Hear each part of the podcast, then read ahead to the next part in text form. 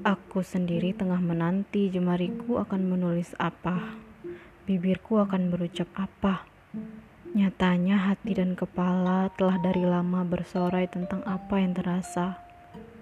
Mereka kali ini sepakat. Tidak, kalau tentangmu mereka selalu mampu untuk sepakat.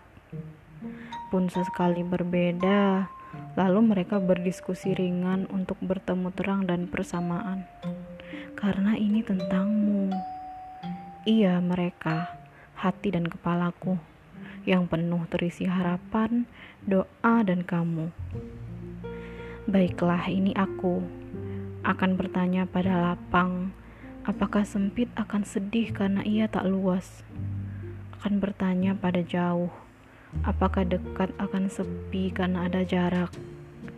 Akan bertanya pada rindu, apakah temu akan bahagia jika kamu tiba?